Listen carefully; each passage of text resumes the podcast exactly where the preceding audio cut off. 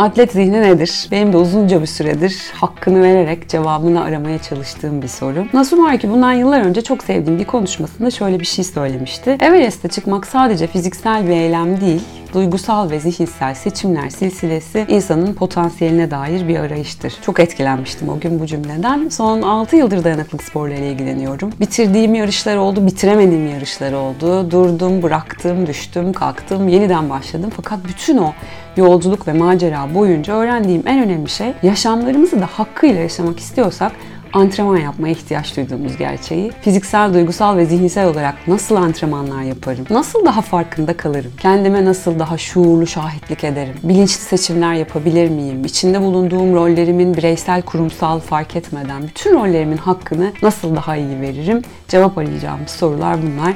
Şimdiden bu zihinde yaşamaya hoş geliyorsunuz. Heyecanla buluşmayı bekliyoruz.